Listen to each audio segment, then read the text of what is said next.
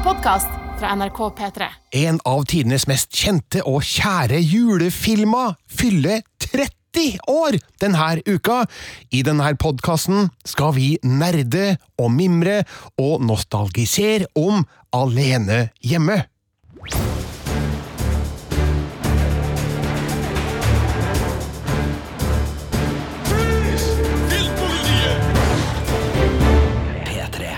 Twas the night before Christmas when all through the home one boy would discover he'd been left all alone. I made my family disappear. Ah, yes!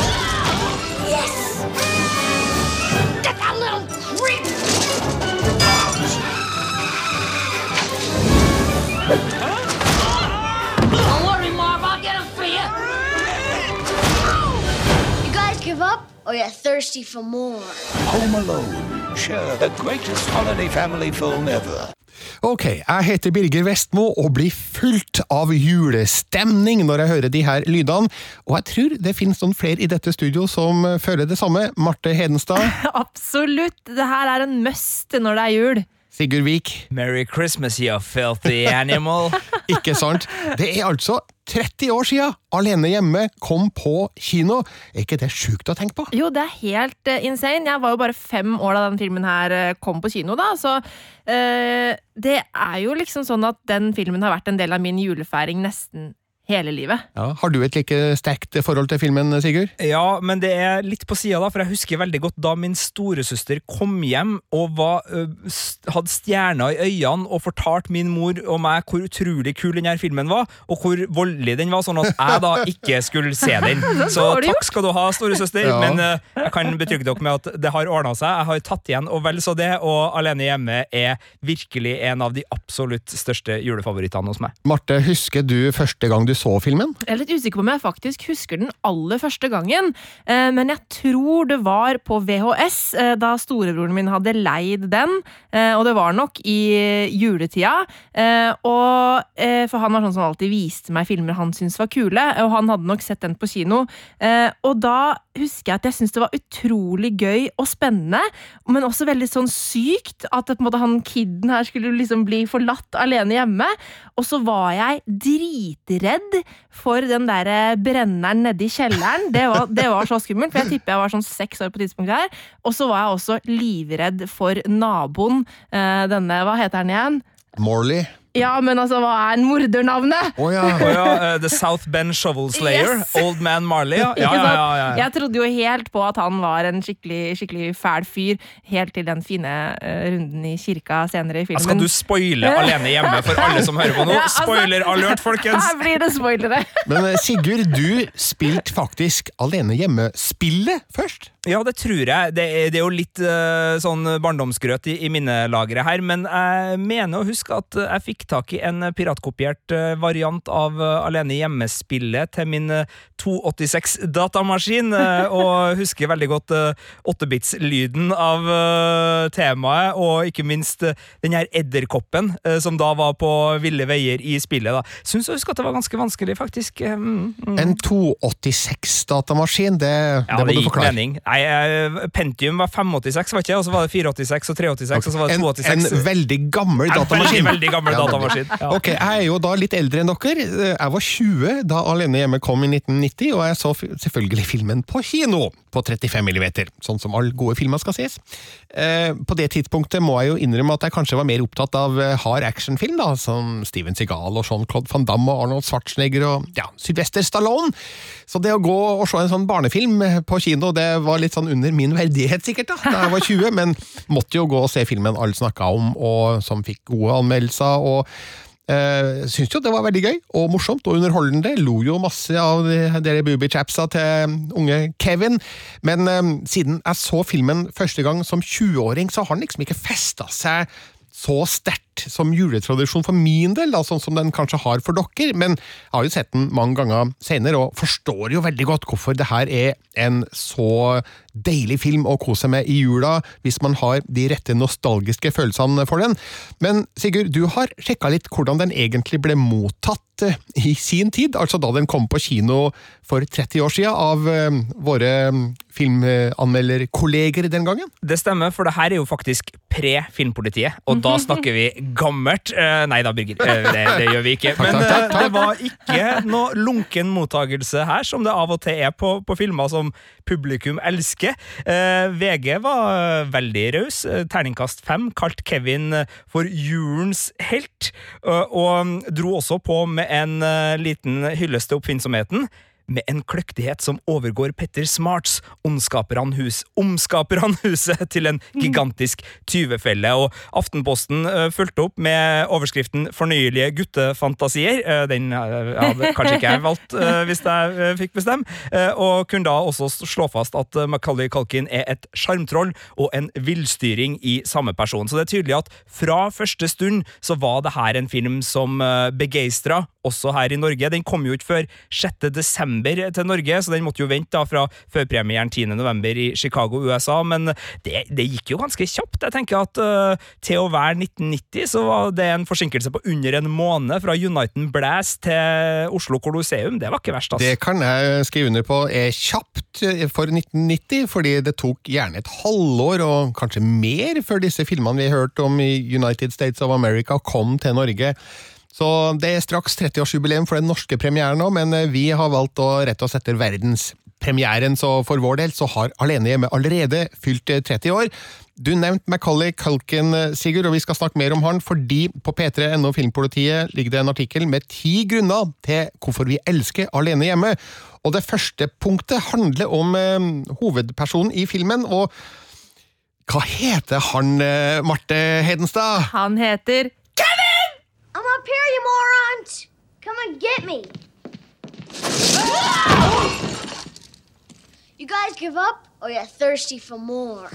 Nemlig. Hvorfor elsker vi Kevin, Marte? Og det er jo fordi at jeg elsker hvordan han er en liten drittunge tidvis, men som vi likevel elsker, fordi han er jo dødssmart. Jeg husker da jeg så denne filmen som, som uh, liten unge, og da sammen med lillebroren min, han var helt ekstremt opphengt uh, i Kevin, fordi han var så utrolig smart, altså som Petter Smart. uh, og det var veldig, veldig gøy hvor oppfinnsom han var, og klarte å finne opp alle disse utrolige gøye fellene. Og så er det jo noe med den derre litt sånn der fandenivoldskheten som han har i starten, når han på en måte bare elsker det å, å faktisk være alene hjemme. Og så den sårheten når han på en måte innser at shit, familien min er jo borte. Det er jo ikke så fett. Så han har en sånn derre ja, en dybde i seg, da, denne lille karen, som Ja. eh, gjør at man kan kjenne seg igjen i han på mange forskjellige vis. Og så er det skjønt med vesle, altså veslevoksne barn. Mm. Han eh, prøver jo å være eh, king of the manor i, Ja. i løpet av filmen. Prøve å legge forholdene til rette for å klare seg, rett og slett, og for å ikke minst forsvare huset da, mot to herremenn vi skal komme innom litt uh, seinere. Ja, og så er han så søt når han går på butikken og handler og liksom snakker med hun dama Ja. i butikken og liksom eh, er så ja, veslevoksen, som du sier. Det er litt sårt òg, med hvor alene Kevin er i jula, Sigurd. Ja, altså Han er jo forlatt av familien sin. Ja. Eh, og det som er så bra, er jo at er filmen ikke. Ja, eh, Men filmen styrer ikke unna det sviket, da. Og, og dermed så, så er det, det er et lite sånn genistrek i John Hughes sitt manus, at den tørs eh, å anerkjenne at her er det faktisk omsorgssvikt av verste sort. Eh, men eh, det kan likevel bli sabla artig. Neste punkt på lista over grunner til at vi elsker Alene hjemme, handler om skurkene, nemlig The Wet Bandits.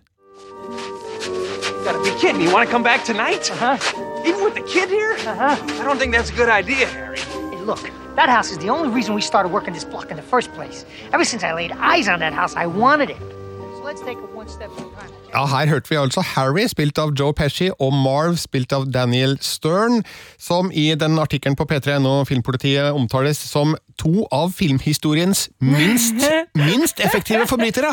Hvem har skrevet det? Det har jeg skrevet. Ja, Hva mener du med det, Sigurd? Nei, altså De lykkes jo ikke i det hele tatt, så de er jo ikke effektive som forbrytere. Men de er også to av filmhistoriens mest minneverdige skurker, eh, følger jeg opp med her. Så, så det er ikke for å, å Altså, jeg kritiserer jo skurkene på et vis, men, men jeg hyller dem på andre vis. Men det er klart, eh, når du blir opphengt i å ta hevn på en tiåring, eller åtteåring, eller hva nå enn Kevin er her. eh, Da, eh, altså, du er ikke en effektiv yrkesutøver av skurkeyrket da, Birger?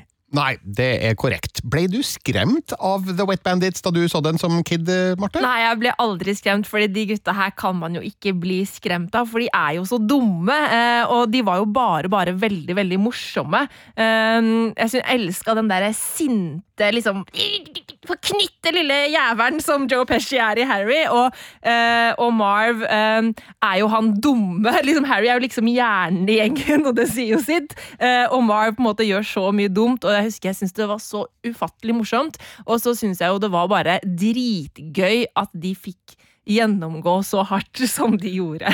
For min del var det jo morsomt å se Joe Pesci i Alene hjemme, fordi han spilte jo stort sett litt hardere roller i hardere filmer på den tida. Altså 1990, da kom jo også Mafiabrødre, der Joe Pesci virkelig er mean, en mean bastard. Og så plutselig dukka han opp da som skurk i en barnefilm. Det ga jo figuren litt sånn ekstra edge, da, som, eh, som eh, betydde litt for oss som var litt eldre, da, i kinosalen. Og det som er så digg, er jo at de ga, øh, eller Pesci sjøl, ga seg sjøl en mulighet til å ivareta den øh, ganske sånn knallharde sida, fordi han kan jo ikke si fuck, faen, tiss, pikk, kusse, dangelfitte, rumpeballebuse på, på barnefilm i, i Uniten Blast. Det går ikke. Men han øh, får jo til å banne lell, fordi han mumlebanner. Så han laga seg et lite sånn tullespråk der han og dermed så er han jo farlig. Eh, Men eh, du var ikke på et tidspunkt redd at han skulle ta opp en telefon og bare slå lille Kevin eh, helseløs, Brygger Birger? Sånn som han har gjort på andre film? Egentlig ikke, men tanken om at det kun være en sannsynlighet, lå kanskje i bakhodet da, når man så filmen. Men et minneverdig par som ikke nødvendigvis skulle bli sånn, Marte, fordi det var ikke helt uh, opp i dagen at Daniel Stern skulle spille i filmen. Ja, nei, det var jo sånn at uh, han egentlig var litt misfornøyd med lønna, var det ikke sånn, Sigurd? Jo, eller altså Han fikk forlenga arbeidstid, eh, og det her var jo en litt sånn lavbudsjettsfilm. Og, og så fikk han ikke noe mer lønn, så var det sånn Skal jeg jobbe to uker gratis for å være med på den filmen? her? Nei, Så da trakk han seg faktisk, uh, Daniel Stern, og ble erstatta av Daniel Rubek, Men eh, så funka ikke Daniel så godt sammen med Joe Pesci, så da var det tilbake med Daniel, og det har han uttalt i en herlig dokumentar som ligger på Netflix, som heter 'Filmene vi vokste opp med', som har en egen episode om Alene hjemme. At han, han har ikke angra på at han gikk tilbake og tok den jobben. Og da gikk han tilbake for den samme lønna som han i utgangspunktet takka nei til. Og nå, 30 år etter, kan vi jo sitte her og tenke hva i all verden tenkte han på som kanskje lot rollen gå fra seg, men det var jo ingen som visste at Alene hjemme skulle bli så stor før den ble laga, og før den hadde premiere. Ikke engang filmselskapet hadde jo trua på Alene hjemme. Det var vel Warner Bros som hadde filmen opprinnelig, men de, de hadde ikke trua på den og ga den fra seg til 20th Century Fox. Eh, dumt var det, men eh, bra for Fox, da. Eh, men disse kara, Harry og Merv, de blir jo utsatt for en rekke vanskelige situasjoner i løpet av Alene hjemme, og det handler om all fellene som Kevin eh, lager for dem. Heads! Ah! Don't worry, Marv. I'll get him for you.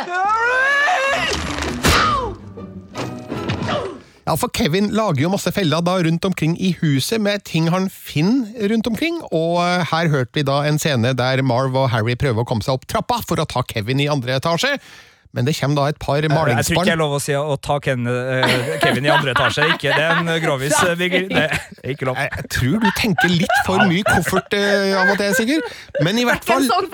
I, I hvert fall, eh, på vei opp trappa så kommer det to malingsspann på vei nedover i hvert sitt eh, tau, og du ser jo lang tid i forveien at det her kommer til å gjøre veldig vondt. Og så sier det smekk, bom, peng, og begge to ligger nederst i trappa og har det veldig, veldig vondt. Skjønt, vi tror jo aldri på at det egentlig er vondt, for det her er sånn tegnefilm-slapstick, Marte? Ja, det er jo sånn, eh, sånn eh, vondter som bare er sykt morsomt, som gjør at du spoler tilbake, sånn at du kan se liksom hvor de gøyeste fellene var på VHS-en, for der begynte det å bli striper fordi du hadde spolt så mye fram og tilbake.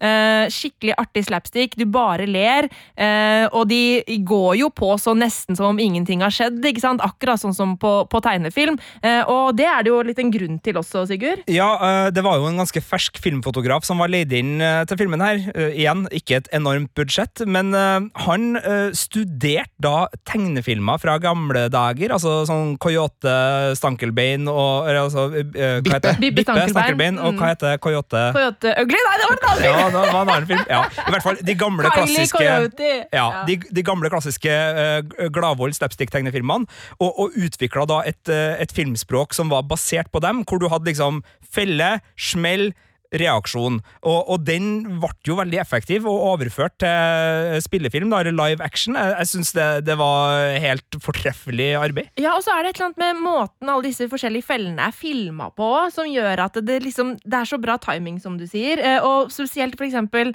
den som jeg vet at er en liten favoritt for deg, uh, Spikeren i foten. Ja, den, eh, det er uh, den gjør Den, grusomt. den gjør så vondt, og den er filma så kult. Sånn fra, du ser liksom fra siden at den derre uh, bare foten til Marv liksom. Ja, det er helt nydelig! Eh, det er jo så utrolig oppfinnsomt. Hva er din favorittfelle, Marte? Eh, altså, det er jo, alle er jo kjempegøyale, men jeg, jeg husker altså, vi lo oss altså så i hjel av hvordan hvordan Harry strever seg opp bare ut, på ut, trappa på utsiden. Eh, og han, fordi at han, Jeg tror det er den der med at han banner så jævla mye, og, og strever så himla mye med å komme opp den trappa, og han sklir og står på, og så er han så himla fornøyd når han kommer opp, tar den dørklinka, og så bare «Æ!» Og så elsker jeg hvordan det på en måte går igjen, hvor han da på neste dør, når han faktisk kommer seg, liksom sånn, liksom sånn klapper litt sånn forsiktig på dørklinka, liksom er så fornøyd med at «Hæ, den her var ikke varm, tar i den, og så bare «Åh!» Daniel Stern har jo de beste reaksjonene på noen av de fellene der, eh, Ja. blant annet eh, når han får den svære edderkoppen eh, plassert midt i ansiktet. Det hylet der, det er en, en klassiker av, eh, altså blant eh, filmhyl i, i min bok. Ja. Eh, Sigurd, har du en favorittfelle? Ja, det er den spikeren, altså. Ja. Det er spikeren i foten, og det faller bakover òg. Ja, ja, helt ja. nydelig. Altså, han fryser. En, altså, han blir helt sånn som om han på en måte er spylt med vann og frosset, like kjapt som vannet fryser utafor trappa, for der går det Ja, jaggu fort. fort. Og det, det er helt fantastisk. Vi må snakke om naboen, som vi har vært innom eh, tidligere. Han står også på lista over grunner til at vi elsker Alene hjemme, altså Old Man Marley. Uh, aka Snøskuffeslakteren fra South Bend. The South Bend Shovel Slayer. Han ble du skremt av da du så filmen som Ja, liten. Jeg ble veldig redd for han. Eh, jeg vet ikke Altså, er det noe Jeg vet ikke om det her er en greie, men jeg tror da jeg var veldig liten, så syns jeg folk som så sånn veldig, veldig gamle ut, bare var litt sånn skumle i seg sjøl. Eh, og så er det et eller annet med måten han går på. Han liksom sånn, litt sånn subber bortover, og liksom Det er Noe med støvlene hans ja, òg, kanskje? Ja, støvlene som liksom er sånn tunge, og liksom den lyden av at han går. Eh, og så trodde jeg jo da fullstendig på da eh, historien til, eh, til storebror Bøss, som da skremmer livskiten ut av Kevin. Eh, og jeg tror ikke akkurat at min storebror heller på en måte prøvde å eh, Han syntes jo det var gøy at jeg liksom levde meg inn i filmen, så han bare bygde jo opp under oppunder den frykten, da.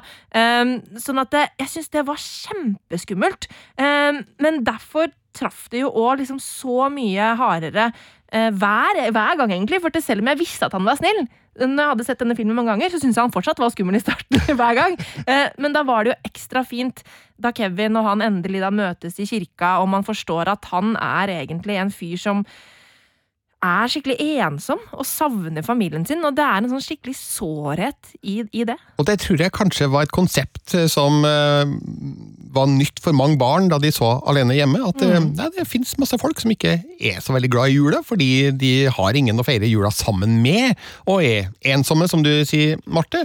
Så det var en figur som hadde en spesiell funksjon i filmen, da, spilt av Roberts Blossom, og det gir jo da eh, en veldig fin utgang da på, på akkurat den lille sidehistorien.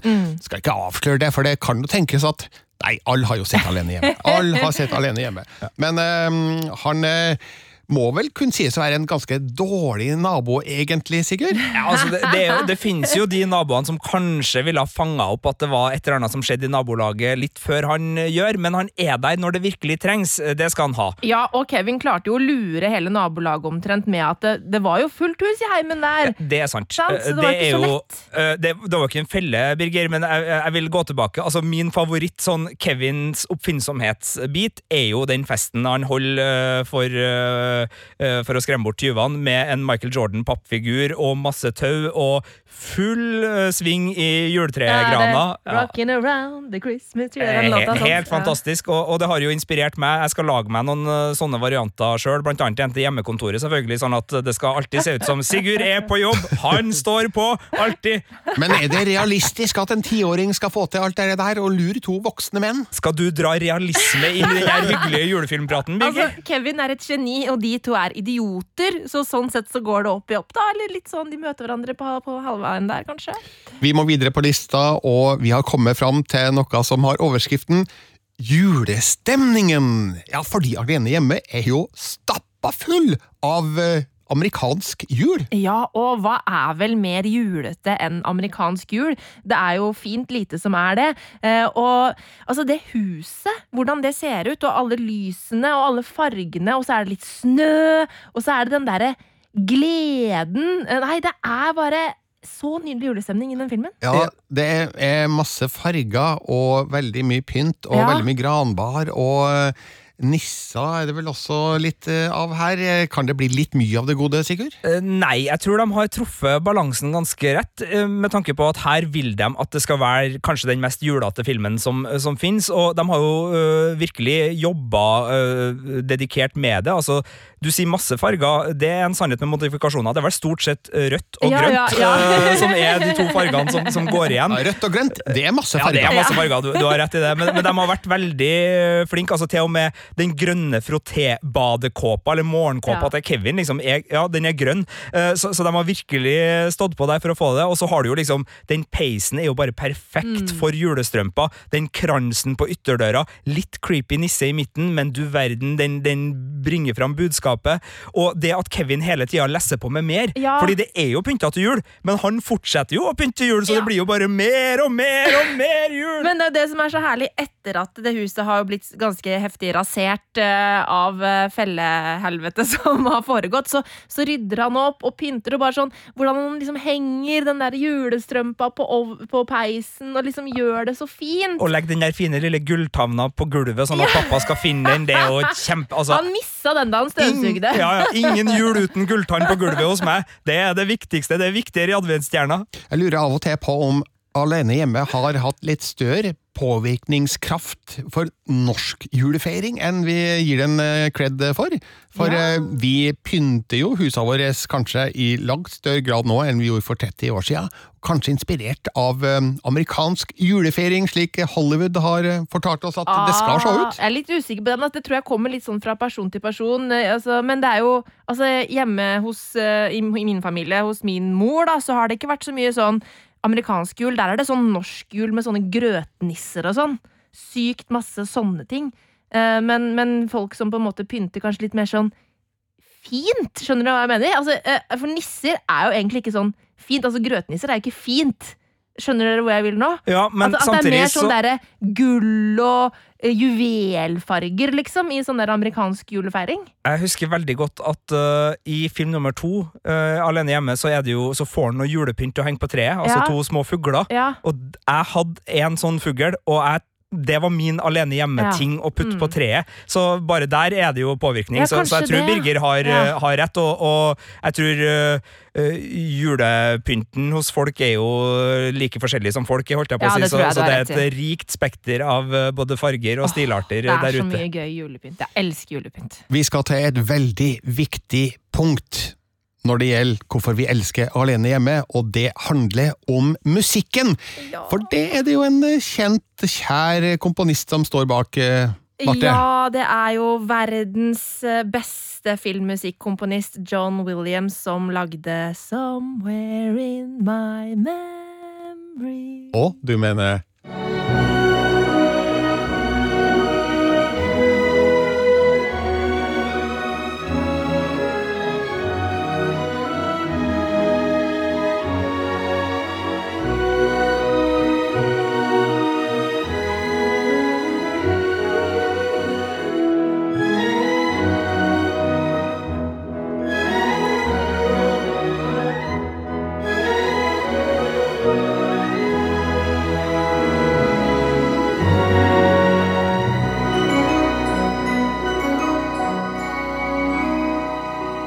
Får man ikke julestemning nå, får man det aldri. Herregud, for en fin musikk! Det er jo halve moroa å se alene hjemme Ja, og høre musikken. Det er jo mye av det som gjør at vi får julestemning. Altså, det er dombjeller, det er sånn eh, Og hva heter det der det instrumentet vi hører her?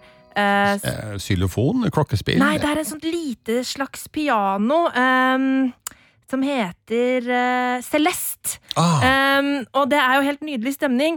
Men det som er så interessant med det her, var at det, da filmen var ferdig klippa, så var det egentlig en annen fyr som skulle lage musikken, og det var Bruce Broughton. En habil komponist, det også. Absolutt, men så hadde det blitt noe litt sånn konflikt i, eh, i, i tidsskjemaet her, så han var plutselig opptatt med å lage musikken til Bernard og Bianca i Australia. Eh, og da var det litt sånn oh shit, hva gjør vi nå? Eh, og da ringte da regissør Chris Columbus sin gode venn Steven Spielberg eh, og spurte litt sånn ja du, han derre John Williams som du har jobba en del med, eh, tror du han kan være interessert i å lage litt, og, film til, nei, litt musikk til filmen min? Og det var jo å sikte veldig høyt for en liten film med lavt budsjett som ingen hadde trua på. Mm. John Williams eh, fikk oversendt manuset, og han leste, og han likte det så godt at han takka ja. Og det var rett og slett et skup, et varp for Chris Columbus og denne filmen. For hva hadde Alene hjemme vært uten John Williams-musikken? Det vet vi jo ikke. Nei, det Men- hadde vært noe helt annet, i hvert fall. Jeg har en sånn liten uh, tanke om at uh, filmen hadde ikke satt seg så godt da i vår kollektive popkultur uh, uten disse tonene. Jeg er helt enig, og den Summer in my memory-temaet som går gjennom, gjennom hele filmen, er så utrolig fint. Altså, det har både den klarer både å være sånn stemningsskapende og sår, samtidig som den kan være morsom, men også litt sånn spennende. Eh, altså sånn det temaet som for eksempel er når, eh, når Kevin løper fra tyvene og havner inn i kirka der. Det er jo så utrolig kult! Altså, det er så mye god musikk eh, som er med å bare lage en sånn helt perfekt stemning gjennom hele filmen. Hva tenker du, Sigurd, om John Williams' uh, contribution? Jeg tenker at det er en ekstra dimensjon til ei kransekake av godbiter som allerede er velsmakende, men som du sier, Birger, den gjør virkelig at det her svinger fra første stund. Det er helt riktig. Vi skal videre på lista over grunner til at vi elsker Alene hjemme, og da har vi kommet fram til mamma. Family Crisis Intervention, Sergeant Balzac. I'm calling from Paris. I have a son who's home alone. Has a child been involved in a violent altercation with a drunken and/or mentally ill member of his immediate family? No, Has he been involved in a household accident? I don't know. I don't. I. I, I hope not. Has the child ingested any poison and/or any other object that has become lodged in his throat? No, he's just home alone, and I would like somebody to go over to the house and see that he's all right, just to check on him. You want us to go to your house just to check on him? Yes. Og vi hører jo desperasjon i stemmen til mora Kate, spilt av Catherine O'Hara. Hun vil jo hjem til sønnen sin, selvfølgelig, eller hun vil her, da, at politiet skal sjekke at han har det bra. Og hvorfor elsker vi denne mammarollen, Sigurd? Nei, eh, det som eh, Jeg var så vidt inne på det altså Det som er så bra med Alene hjemme, er at de anerkjenner foreldresviket, og spesielt morssviket. Sånn at de, de går ikke unna der. Det, det er en ganske fæl ting som har skjedd her. Kevin har blitt forlatt hjemme, og de har kommet seg til Paris uten å oppdage det. Det er jo for det første en mors største, eller en foreldres største mareritt. Det vet vel du, Birger, som har eh, et par kids? Jeg har bare to, da. Ja, så, men, så du, så Det er litt vanskelig vanskeligere å glemme det- en, Det er, det er ganske lett å holde styr på to barn. Nå er det litt flere familiemedlemmer i denne sammenhengen. Det er det. Eh, Men etter at det her sviket er anerkjent, så er det jo hennes liksom, story arc om å gjøre det godt igjen, som svinger så godt. Og hun gjør jo virkelig alt. Altså, Hun kvitter seg med sitt jord, jordslige gods. Hun er villig til å høre John Candy sin polka, polka, polka hele veien i, i bilturen. Og hun uh, bryter sammen i skranken. Altså, det er ikke noe som uh, ikke hun er villig til å gjøre for å komme tilbake til sin sønn. Og det gjør jo at filmen får et veldig sånn stort familiefilmhjerte også. Den funker jo som gladvold, det er det jo ingen tvil om. Den funker som litt sånn eplekjekk eh, popkornunderholdning, fordi Kevin er så søt og artig, men det er jo gjennom den relasjonen mellom mor og sønn at den får det store hjertet, og som gjør at den også er et familiedrama som eh, ja, gjør at i hvert fall min mor nok eh, blir med og ser Alene hjemme gang på gang, for jeg tror bare fellene ville kanskje ha blitt litt slitt for henne. Ja, og det der, det gjensynet helt på slutten av filmen, når hun kommer hjem og de ser hverandre. Og der spiller også Macaulay Culkin så utrolig godt. Der klarer han å få den derre Få fram den derre sårheten sånn Dere glemte meg. Ja. Eh, og så det blikk, den blikkutvekslinga der. Å, herregud! Begynner å Og, gråte og hver gang. lettelsen over at nå kan han være kid igjen. Ja. Nå slipper han å være mann i huset, fordi, fordi nå er mamma her. Og så syns jeg jo eh, det er litt urettferdig at det er morsfiguren som eh, har denne desperasjonen etter å komme hjem, mens eh, pappaen, spilt av John Heard, han er litt mer laidback og avslappa og har et eh, litt mer pragmatisk forhold til at de har glemt eh, Kevin. Ja, han tar det litt mer med ro. Altså, sånn, men mitt bilde av han er at han er en sånn der arbeidsnarkoman type. Jeg tipper han sånn han, han må jobbe med et eller annet sånn der aksjegreier eller noe sånt, har jeg sett for meg. Eh, så, og så han kanskje bare tenker at ja, men han sønnen min, han klarer seg sjøl. Ja. At han er litt mer den innstillingen. Hva gjør mammaen egentlig? Er hun hjemmeværende mamma? Vi får i hvert fall ikke vite no, noe annet, så, så det virker jo å være en, en, eh, en eh, yrkesfordeling der mellom Ja. far og mor. Men jeg tenker for det første, vi vet jo ikke hvordan far har det off camera. Nei det kan jo være at han sitter og biter negler og har det helt gudsjammelig. Og dessuten, han tar jo vare på resten, og noen må jo gjøre det. Det er så det er jo en veldig sånn Ja. funksjonell uh, fordeling der. Uh, og i tillegg så, så ø, kan det jo være at altså ø, Catherine O'Hara som spiller mor, da, er jo en Emmy-vinnende komiker. Nå husker ikke jeg hva han heter, han som spiller faren, men det kan jo være John at de, Hurd. ja, hadde de det sterkeste komikerkortet i, i mor, og at de dermed gikk for der? eh, Nei da, jeg tror ikke det var noe manus som hadde far som, eh, som jakta. Det har nok litt med tradisjonelle kjønnsroller i amerikansk mainstream-film å gjøre. Og det der, den er jo 30 år gammel, filmen, så Ja, og litt konservativ, Mm. og det handler om rikfolk eh, som eh, vel kanskje ikke er blant de mest reaksjonære venstrevridde, kanskje? Nei, jeg tror de tjener Jeg tror i hvert fall faren Noen i det huset tjener bra, for det huset det er svært, og det er fint, Ja. og, og det er noen greier der. Man venter jo bare på at de skal ha tjenere, Ikke sant? men uh, det har de ikke så vidt vi kan se, da, hvis de ikke har gjemt dem vekk i kjelleren. Neste punkt på lista, den må du ta deg av, Sigurd, for her er overskrifta Ostepizzaen, og det, det er du som har satt den på lista. Ja, og det er jo fordi at det er jo kjernen til hele konflikten som utgjør filmen. Det starter jo med ostepizzaen. Altså, den kommer på døra. eh, Den kommer fra Lille Neros, som da er eh, deres foretrukne eh, takeaway-pizzaplass. Og det er jo fordi storebror Bøss spiser opp all ostepizzaen, og Kevin ikke får. At Kevin blir frustrert, Uh, deiser inni storebror, søler masse rundt, onkel Frank blir kjempesint, Uh, Kevin må opp på rommet og blir glemt. Så det er jo ostepizzaen som er liksom den utløsende altså, øh, faktoren, nøkkelen til hele Alene hjemme-universet, sånn som jeg velger å, å se det, i hvert fall her. Eh, Og så er det jo ekstremt tilfredsstillende da Kevin endelig får sin ostepizza helt for seg sjøl, og kan øh, sette seg ned med en god film og se det her. Eh, Så nei, eh, jeg tenker at ostepizzaen må med. Eh, Den er viktig, og ikke minst så er det jo et godt tips til hvordan man kan nyte alene hjemme. For hvorfor ikke nå i førjulstida sette seg ned med en god ostepizza alene hjemme på TV-en, og kanskje litt iskuler med sjokoladesaus til dessert? En virkelig McAllister spesial. Nemlig. Det var skikkelig eksotisk for meg å se pizza bli levert på døra i, alene hjemme, akkurat som i ti-åtte år før, fordi det tilbudet fantes ikke i Stjørdal, der jeg eh, vokste opp, og der jeg nå også bor. Eh, nå kan man bestille pizza på døra, altså, men ikke da alene hjemme kom på kino, så det var skikkelig kult å se at det, å, pizza på døra, går det an? Har dere sånn Burger King drive-through på Stjørdal nå? Jo, vi har fått det òg. Oi, det er fancy! Det er jo skikkelig Uniten. Du, vet du hva? Det går til og med an å kjøpe seg sushi. Så oi, oi. tidene forandrer seg. Det er fremskritt. Eh, Vi skal også gjøre et fremskritt til neste punkt på vår liste over grunner til at vi elsker Alene hjemme. Overskrifta her er You filthy animal. Og det her handler om en eh, film som eh, Kevin ser på Ja, det er en VHS-kassett som blir stappa i spilleren. Eh, altså Det er jo en film han i utgangspunktet ikke får lov til å se, da resten av de litt større barna og onkel Frank eh, ser den tidligere, så blir han eh, sendt bort. Men eh, altså Angels with Filthy Souls er en gangsterfilm med mye skyting og noen veldig gode replikker som Kevin til slutt da får sett, og, og etter hvert også anvendt i, i sin eh, plaging av både pizzabud eh, og skurker. Og jeg har sett Seth Rogan, jeg har sett Elijah Wood. Det er mange som i likhet med meg tenkte denne filmen må jeg finne, denne filmen må jeg se.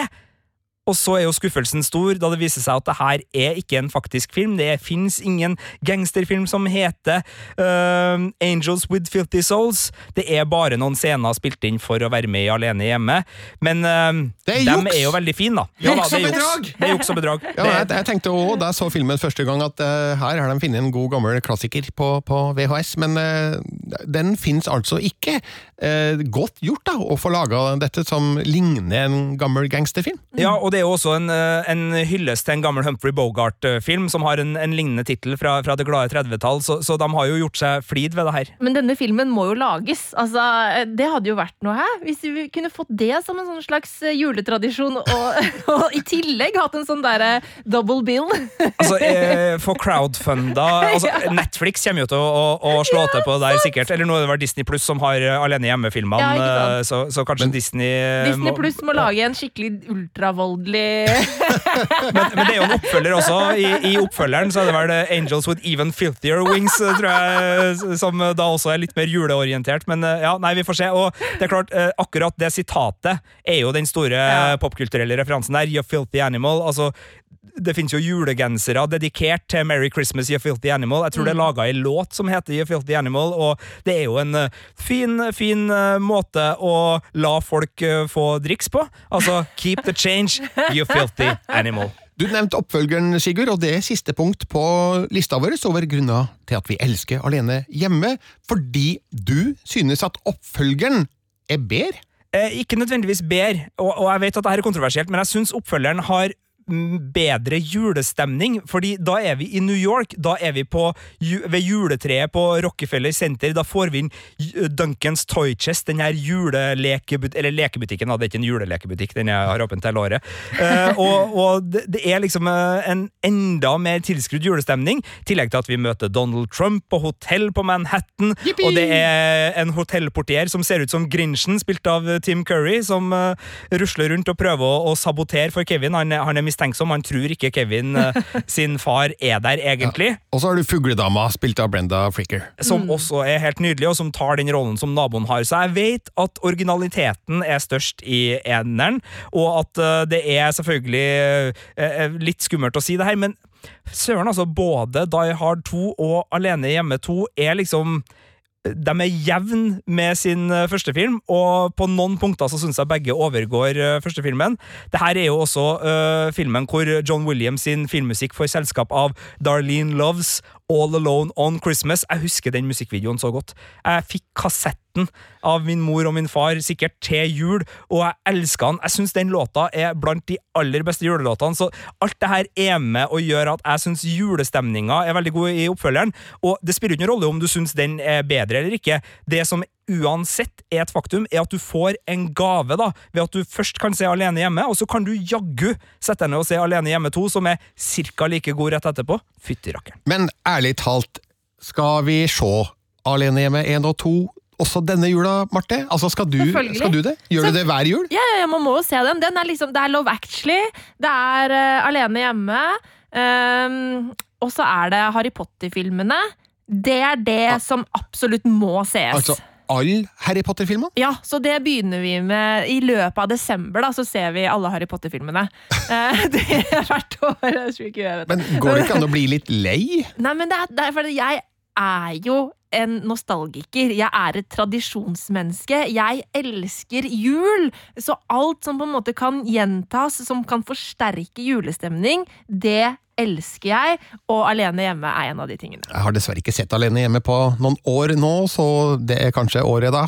Der den må få snurra seg igjen i Blu-ray-spilleren. Eh, Sigurd, eh, har du planer om å se den? Ja, Nå har jeg jo akkurat sett den for å lage den lista som ligger på, på p3.no, som heter da 'Ti ting vi elsker ved eh, alene Ja. hjemme'. Men Men å se julefilm i november, det teller ikke. Nei, det er jo nettopp det.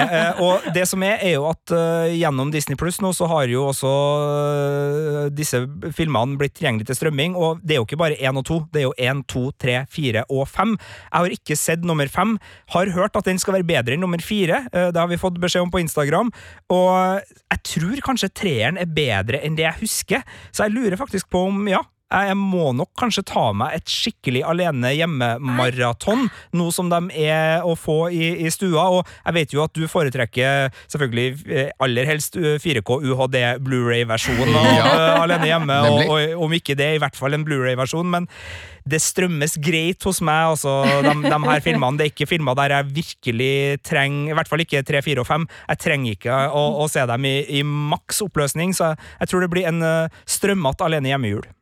Hva med deg, Marte? Nei, det blir på Disney pluss, ja. Hvis, Ikke, hvis ikke jeg plutselig finner ut at jeg har lyst til å se den på, på lineær TV når den går live Ja, sammen med alle andre Ja. rundt omkring i Norge! For det er litt stas. Så skal man følge med på Instagram. Ikke sant? Folk som driver og poster at de ser på det. Så føler man seg litt som en sånn del av et større fellesskap. Det er koselig. Så, men vi får se. Men eh, setten må jeg få gjort. Men jeg kommer til å hoppe over tre, fire og fem, altså. For de hører ikke med Nei. i Dem har, jeg, julestemningsfesten. dem har jeg aldri sett. Men Alene hjemme 1 og 2, vel verdt et gjensyn. Nå har vi gjort vårt, i hvert fall, til å skape litt nostalgi rundt de to originale filmene. Og så er det bare å hive seg over P3N og Filmpolitiet for å finne vår eh, sak med alle de ti grunnene til at vi elsker Alene hjemme. Så det skal nok bli jul i år også. I studio i dag, Birger Vestmo. Marte Hedenstad. Og Sigurd Vik. Og du finner oss på Twitter, på Instagram, du kan sende oss e-post på filmpolitiet at um, nrk.no, og så kan du høre oss på P3 hver søndag fra 12 til 15.